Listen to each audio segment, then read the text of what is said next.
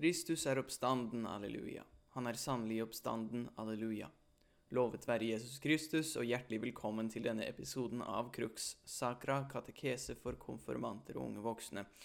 Vi fortsetter med de syv sakramentene, og i denne episoden skal vi snakke om eukaristiens sakrament. Eukaristien er det aller helligste av de syv, fordi det virkelig inneholder ikke bare nåde, men nåden med stor N. Ikke bare frelse, men frelsen med stor F. Ja, sannelig, ikke bare frelse, men frelseren. Jesus Kristus. I eukaristien gjøres den hellige apostelen Peters ord helt konkrete. Han skrev vi skulle få del i den guddommelige natur. Og det får vi i eukaristien, for der får vi faktisk del i. Vi får spise og drikke av Gud blitt menneske i Kristus vår Herre. Eukaristi er gresk og betyr takksigelse.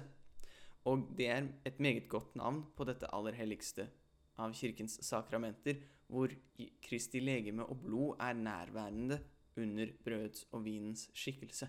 Dette er det største og eneste velbehagelige offeret vi kan bære frem for Gud Faderen, vår takksigelse. Det som Kristus bar frem på korset en gang for alle, og som i eukaristien, i takksigelsen, kommer nær til oss og dekker våre synder. Som vi tidligere har sagt, er et sakrament et synlig tegn innstiftet av Kristus, som Gud virker nåde gjennom. Det synlige tegnet er en eller annen handling sammen med noen ord, en formel, som vi kaller det. Så hva er det synlige tegnet, og hva er formelen i eukaristien? Så skal vi snakke om den eh, usynlige biten.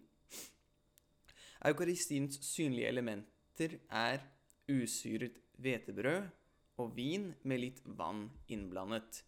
Um, ordene som brukes, er Jesu innstiftelsesord, som presten bruker hver messe, og de må eh, sies av en prest som er gyldig ordinert for at sakramentet skal finne sted. Så hvor og hvordan og når innstiftet Kristus dette sakramentet? Det gjorde han ved sitt siste påskemåltid natt til langfredag i Jerusalem med sine disipler, hvor han tar brød og vin, velsigner dem og sier innstiftelsesordene over dem. Det har vi snakket om i episoden om messen. Og så gir han sakramentet til sine disipler og byr dem feire det til minne om ham. Vi ser at han forkynte i detalj at hans disipler måtte ete hans legeme og drikke hans blod for å bli frelst. Og det leser vi om i Johannesevangeliet kapittel 6. Her står det På den tid sa Jesus, Jeg er det levende brød, kommet fra himmelen, og den som spiser av det, skal leve i all evighet. Det brød som jeg gir, er da mitt eget legeme, hengitt for verdens liv. Jødene begynte da å diskutere med hverandre. Hvordan, sa de, kan denne mannen gi oss sitt eget legeme å spise? Til dette svarte Jesus, sann mitt ord, dersom dere ikke spiser menneskesønnens legeme og drikker hans blod, fins heller ikke liv i dere. Den som spiser mitt legeme og drikker mitt blod, han får evig liv, og ham vil jeg oppreise på den ytterste dag. For mitt legeme er virkelig næring, mitt blod er virkelig en drikk. Den som spiser mitt legeme og drikker mitt blod, han blir i meg og jeg i ham. Som det er Faderen, den levende, som har sendt meg, og som det er ham jeg har mitt liv fra, slik skal den som spiser meg, få sitt liv fra meg. Dette er da det brød som er kommet fra himmelen. Det er ikke som det deres fedre spiste i ørkenen, for de døde siden. Men den som spiser dette brød, han skal leve i all evighet. Det brød som fedrene spiste i ørkenen, er manna, det brødet som Gud sendte ned for å mette israelittene eh, da de hadde unnsluppet slaveriet i Egypt. Og her bruker Jesus dette eksempelet, men han sier at det er noe annet, det er større, nemlig hans legeme og blod, hans virkelige legeme og blod. Han er helt tydelig, og det er på ingen måte symbolsk. Han er faktisk så ettertrykkelig at det står at mange av disiplene som hadde fulgt ham til da, trakk seg tilbake og ikke ville følge ham lenger. De sier faktisk, og det står i, også i Johannes evangeliet kapittel 6, dette er harde ord, hvem kan høre på slikt? Og så forlater de ham. Slik er det også i dag. Det er mange som vil følge Kristus helt til han byr dem ete sitt legeme og drikke hans blod som, ikke, som ikke vil godta læren om eukaristien. Så hvem er det som kan motta eukaristien, og hvor mange ganger?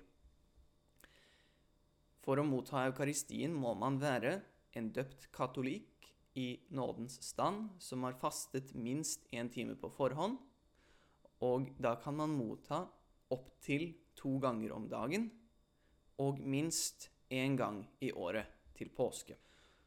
Så hvorfor må man være i nådens stand for å motta eukaristien? Vel, jeg tenker på det på denne måten. Den som er innbudt til en bryllupsfest, vil kle seg i vakre klær, så brudgommen lar ham få sitte til bords hos seg og spise med ham. Og messen er også en bryllupsfest. Det er lammets bryllupsfest.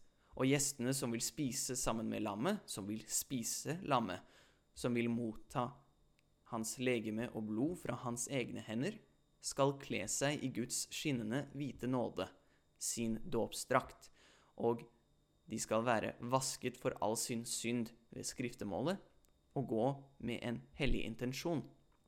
Det er det som er bryllupsklærne, som gjør oss velbehagelige for verten, for brudgommen. For eukaristien skal man ikke ha frykt, men man skal ha ærefrykt. For det er Gud selv, den allmektige, som stiger ned og er til stede midt iblant oss. Å motta eukaristien med likegyldighet, med vantro eller i synd, kalles for helligbrødet, og det er i seg selv en alvorlig synd, en dødssynd, dersom den begås med viten og vilje. Eukaristien skal uttrykke enhet med Jesus Kristus. Det skal være at vi ønsker ham velkommen inn i vårt innerste. For den som mottar i synd, er foreningen kun utad, og hele handlingen blir faktisk en åndelig løgn for Gud og for Kirken. En falsk og uvirkelig enhet. Og det viser stor forakt mot Kristi kjærlighet. Eukaristien er åndens levebrød, men på samme måte som jordisk brød ikke kan vekke døde mennesker til live, men snarere går til spille når det gis til dem, slik er det også at det er til ingen nytte, men snarere til større fortapelse å gi livets brød til en sjel som er død ved sin synd. Den som derimot har angret, skriftet og gjort bot for sine synder, og har mottatt tilgivelse for dem, og deretter går til eh, kommunion fastende med en god intensjon, den overøses med nåde, fred og glede, som vi skal se senere. Så hvem er det som kan feire eukaristien? En gyldig ordinert prest. Ved sitt siste påskemåltid ga Kristus fullmakt til sine apostler til å feire de hellige mysterier, til å konsekrere brød og vin, så de skulle forvandles om til hans legeme og blod. Apostlene la hender på sine etterfølgere, ikke bare biskoper, men også prester, så de også fikk denne fullmakten. Og den fullmakten har blitt overlevert fra biskop til biskop, slik at vi også har prester i dag som kan utøve samme tjeneste. Men det skal vi snakke, mer, om, snakke mer om i episoden om ordinasjonens sakrament. Så hva slags tilstedeværelse er det Kristus har i eukaristien? Vi har sagt at han er i eukaristien, men hva vil det si? Kristus forvandler hele brødet om til sitt legeme og all vinen om til sitt blod. Det betyr at hele brødet og all vinen forsvinner. Men hva i all verden? Det ser jo fremdeles ut som brød og vin når vi går til messe. Og ja, det stemmer, men det er en stor forskjell mellom hva noe er, og hva det ser ut som. En ting kan være noe det ikke ser ut som, og det kan se ut som noe det ikke er. Eh, selvsagt krever dette en overnaturlig kraft, for det er naturlig for utseendet å samsvare med vesen, dvs. Si, i sin alminnelighet, i det store og det hele, svarer hva noe ser ut som, til hva det faktisk er. I eukaristien derimot bevarer Guds kraft brøds og vinens utseende selv etter at forvandlingen har funnet sted. Her, når jeg sier utseende, mener jeg mye mer enn hva man fanger opp med øynene. Jeg mener alle de ytre egenskapene eh, som ikke er essensielt eh, til hva noe er, som ikke gjør noe til hva det er. Og det er f.eks. dimensjon, farge, vekt, lukt, smak etc., etc. Det er altså i seg selv et mirakel at vi ikke ser at forvandlingen finner sted i eukaristien, fordi Gud holder skikkelsene i eksistens selv etter at brødet og vinen er borte. Et annet naturlig spørsmål er da, siden eukaristien virkelig er Kristi legeme og blod, hans sjel og guddom, skader vi da Kristus ved å spise eukaristien? Nei.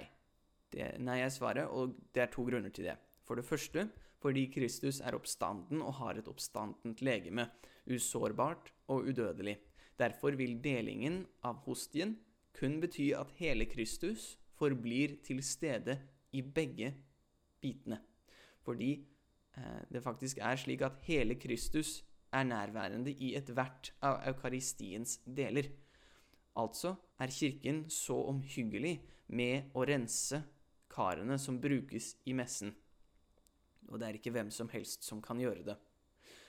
For det andre faller størrelse og dimensjon, som eh, vi snakker om her, som er nødvendig for å kunne såre noen, er at de har en, en fysisk utstrekning. Det eh, faller også under ikke-essensielle egenskaper. Kristus er nærværende i eukaristien, men ikke i form av fysisk utstrekning eller størrelse. Det er ikke slik at det er mer av ham i et større stykke og mindre av ham i et mindre stykke.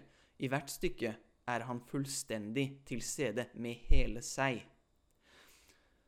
I tillegg så må vi presisere at i brødet så kaller vi det for Kristi legeme, og det er riktig. Men fordi Kristi legeme og blod er forenet, så mottar den som mottar det konsekrerte brødet, hele Kristus, både eh, legeme og blod, sjel og guddom. Og samme med den som drikker av kalken, mottar både Kristi blod og hans legeme, hans sjel og hans guddom. Eh, det er ikke slik at de troende nektes adgang til Kristi blod fordi de bare får smake av brødet. De får hele Kristus. Men eh, brødet kalles Kristi legeme fordi det, er, eh, fordi det er det det konsekreres til. Og det er det som er til stede i sakramentet. Blodet og sjelen og guddommen er til stede fordi de er forenet med legeme. I den grad de er forenet med legeme. Så tilbake til det vi snakket om tidligere. Ehm, nei, vi sårer ikke Kristus ved å motta eh, hans legeme og blod, ved å tygge eh, eller spise, fordi hans nærvær ikke er til stede på den måten. Men det vi må forstå, er at dette er et underfullt mysterium. Vi skal ikke kaste bort tid på unyttig og vantro spekulasjon, men vi skal overgi oss i mysteriets hender og forstå at Gud overgår vår forstand. Forstanden har gått så langt som den kan, og det, det har jeg forsøkt å hjelpe med. Men ved forstandens ytre grense avløses den av tillit, av tillit til Guds ord, til tro. Og det er nettopp derfor Kristus har valgt å skjule seg i brøds og vins skikkelse, sånn at vi skal tro og tilbe. De andre sakramentene er ærverdige og inneholder nåde, men dette sakrament inneholder, som vi sa, nåden selv, Frelseren selv.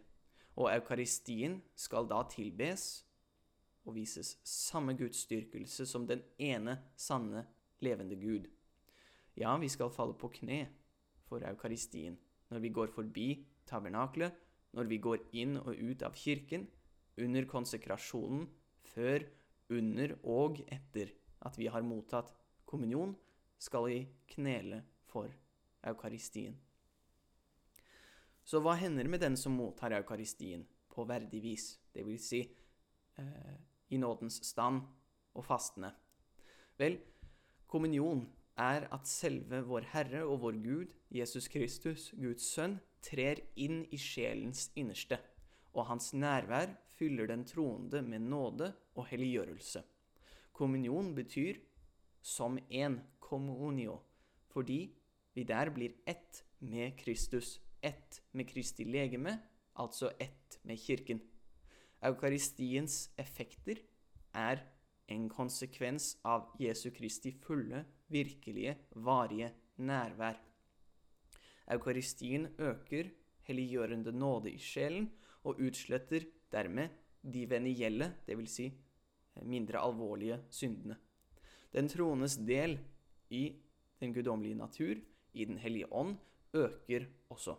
Den troende blir likedannet med Kristus, eh, og dermed helbredet for onde begjær og andre svakheter og laster, samtidig som han mottar stor dyd og åndelige gaver.